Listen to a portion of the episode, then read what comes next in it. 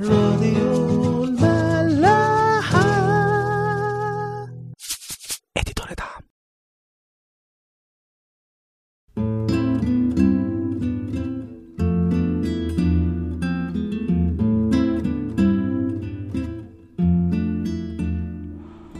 متى 16 أعداد 13 ل 20 ولما جاء يسوع إلى نواحي قيصرية فيلبس سأل تلاميذه قائلا من يقول الناس إني أنا ابن الإنسان؟ فقالوا قوم يوحنا المعمدان وآخرون إيليا وآخرون إرميا أو واحد من الأنبياء. قال لهم وأنتم من تقولون إني أنا؟ فأجاب سمعان بطرس وقال أنت هو المسيح ابن الله الحي. فأجاب يسوع وقال له طوبى لك يا سمعان ابن يونا إن لحما ودما لم يعلن لك لكن أبي الذي في السماوات. وأنا أقول لك أيضا أنت بطرس وعلى هذه الصخرة أبني كنيستي. وأبواب الجحيم لن تقوى عليها وأعطيك مفاتيح ملكوت السماوات. فكل ما تربطه على الأرض يكون مربوطا في السماوات وكل ما تحله على الأرض يكون محلولا في السماوات. حينئذ أوصى تلاميذه أن لا يقولوا لأحد إنه يسوع المسيح.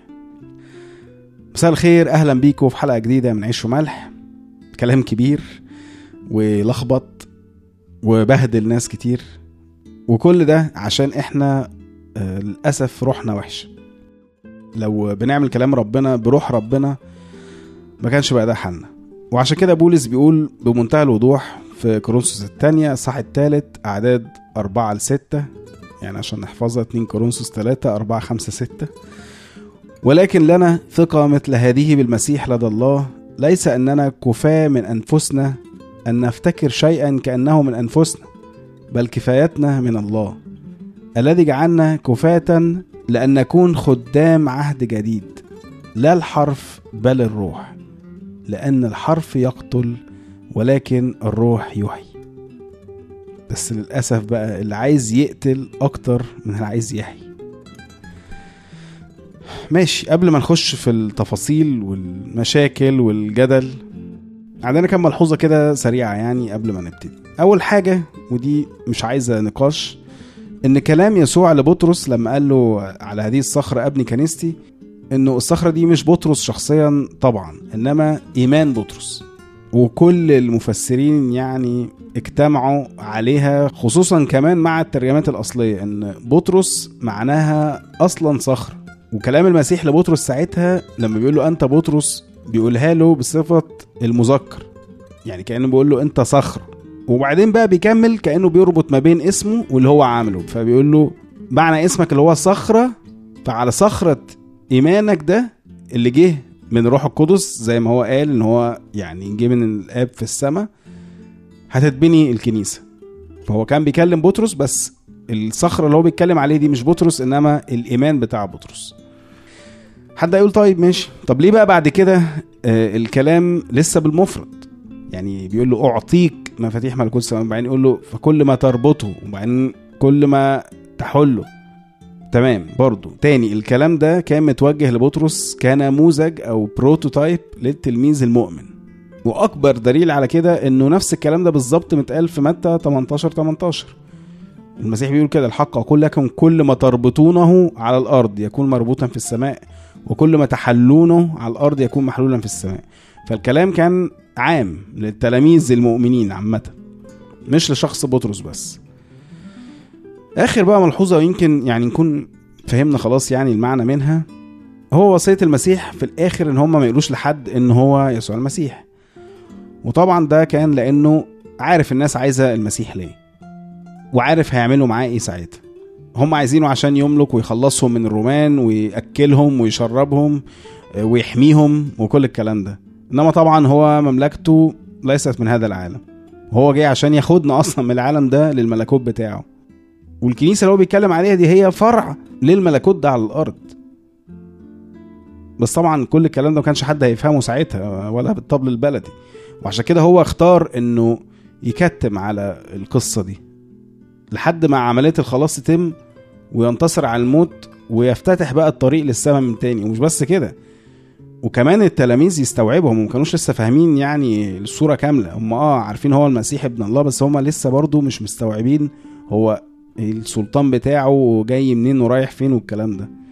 فساعتها بقى لما الروح القدس يحل على التلاميذ ويشوفوا الصورة كاملة الناس بقى تفهم مين هو المسيح وإيه هي رسالته.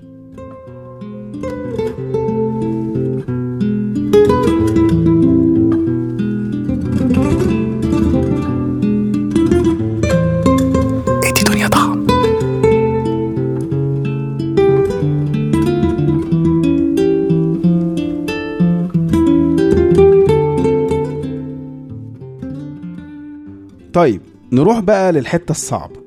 إيه موضوع مفاتيح الملكوت وإنه كل اللي تربطوه هنا هيتربط فوق واللي تحلوه هنا هيتحل فوق؟ إيه كل السلطان ده؟ وعلى أساس إيه بيتاخد؟ وليه أصلا حد يكون عنده السلطان ده؟ طيب يا ريت نروح تاني بقى لمتى 18 ونقرأ الكونتكست أو السياق بتاع الكلام. أنا معلش يعني الشواهد كتيرة شوية النهارده فمش عايز اضيع وقت فيها واقراها عشان الحلقة ما تبقاش ساعة يعني. ف يا ريت بس تقروا من عدد 14 لحد عدد 18 اللي إحنا لسه قارينه ده.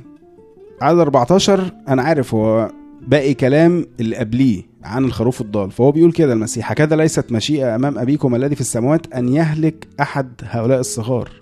وبعدين بقى بيكمل كلامه في موضوع جديد. عن سيناريو إزاي لو حد أخطأ لحد في الكنيسة أو يعني في جماعة المؤمنين نتصرف معاه إزاي. وإزاي إنه المسيح بيحاول في كل مرحلة إنه يفهمنا إزاي إنه في الآخر مش عايز أن يهلك أحد هؤلاء الصغار. بيحاول يفهمنا إنكم ما تحكموش على حد. لا حاول تحتويه على قد ما تقدر. لحد حتى لما تفشل في كل المحاولات إنك تعامله زي ما هو نفسه كان بيتعامل مع الوثني والعشار. هو كان بيتعامل معاهم إزاي؟ برفق وبمحبة أكبر. لأنه زي ما هو قال برضه ده زي المريض اللي هو جه عشان يشفيه. فهو بيقول لنا لو حد وصل للدرجة دي اتعامل معاه كمريض مش كمدان. ومريض يعني عايز صبر وعايز احتمال ورعاية أكتر. وده مش عشان إحنا أحسن يعني لأ عشان إحنا بنساعد بعض. والنهاردة هو مريض بكرة أنت هتبقى مريض وهتبقى عايز حد يستحملك. لا تكون فاكر يعني إنك بعيد عن المرض. بعد بقى السيناريو ده يسوع بيقول لنا الآية العظيمة بتاعة الربط والحل اللي إحنا لسه قاريينها. وبيكمل بقى ويقول إزاي إن إحنا لما بنتجمع على أي حاجة هو هيعملها. الكلام ده هنلاقيه لحد عدد 20 تمام؟ في نفس السياق بقى برضو التلاميذ بيقوموا سائلين المسيح في عدد 21 لاقي بقى بطرس بيسأل المسيح كده بيقول له يا رب كم مرة يخطئ إلي أخي وأنا أغفر له؟ هل إلى سبع مرات؟ يعني أنتوا فاهمين السياق ماشي إزاي؟ هو كله على الحكم وعلى السلطان. وطالما إحنا معانا السلطان ده طب إيه حدود الرحمة فيه؟ يعني لحد إمتى آه، نسيبه؟ وبعدين نبتدي بقى إيه؟ نوري العين الحمر. فساعتها المسيح بقى بيحكي لهم المثل العظيم بتاع العبد الشرير. يا ريت برضه تقروها هو ممكن يكون طويل شوية من عدد 23 ل 35 أنا عارف يعني غالبا معظم الناس عارفاه وسمعته أو قريته مليون مرة قبل كده بس برضه ممكن ما نكونش لاحظنا حاجة مهمة قوي. إيه بقى؟ انه لما العبد الشرير ده ما سامحش العبد صاحبه ورماه في السجن هو فعلا اتحكم عليه واتسجن. بمعنى انه لما إحنا مش بنسامح حد لما بنربط على الأرض ربنا فعلا بيحكم على الشخص ده. بس بيربطها علينا إحنا بعد كده. فالسلطان ده ما كانش ابدا مقصود بيه إنه ربنا يخلينا نشترك معاه في الحكم على الناس. لا إحنا فاهمين غلط إنما نشترك معاه في الرحمة بيهم. لأن هو ده غرضه أصلا. المشيئة اللي هو قايلها في عدد 14 ولسه قارينا مع بعض إن مفيش حد يهلك أصلا. وإننا لما نستوعب بقى إننا كلنا مرضى وكلنا مدانين زي في المثل ده هنفهم إزاي نستخدم السلطان اللي في ايدينا ده صح. عشان لو إحنا ادنا يبقى إحنا بالغباء بتاع العبد اللي السيد بتاعه سامحه في ملايين وهو راح مسك في كلام فارغ وسجن صاحبه بسببه. ها لسه بقى عايز تتخانق على السلطان ده وتشوف هو من حق مين ومش من حق مين؟ تعالوا نكمل حتة كمان.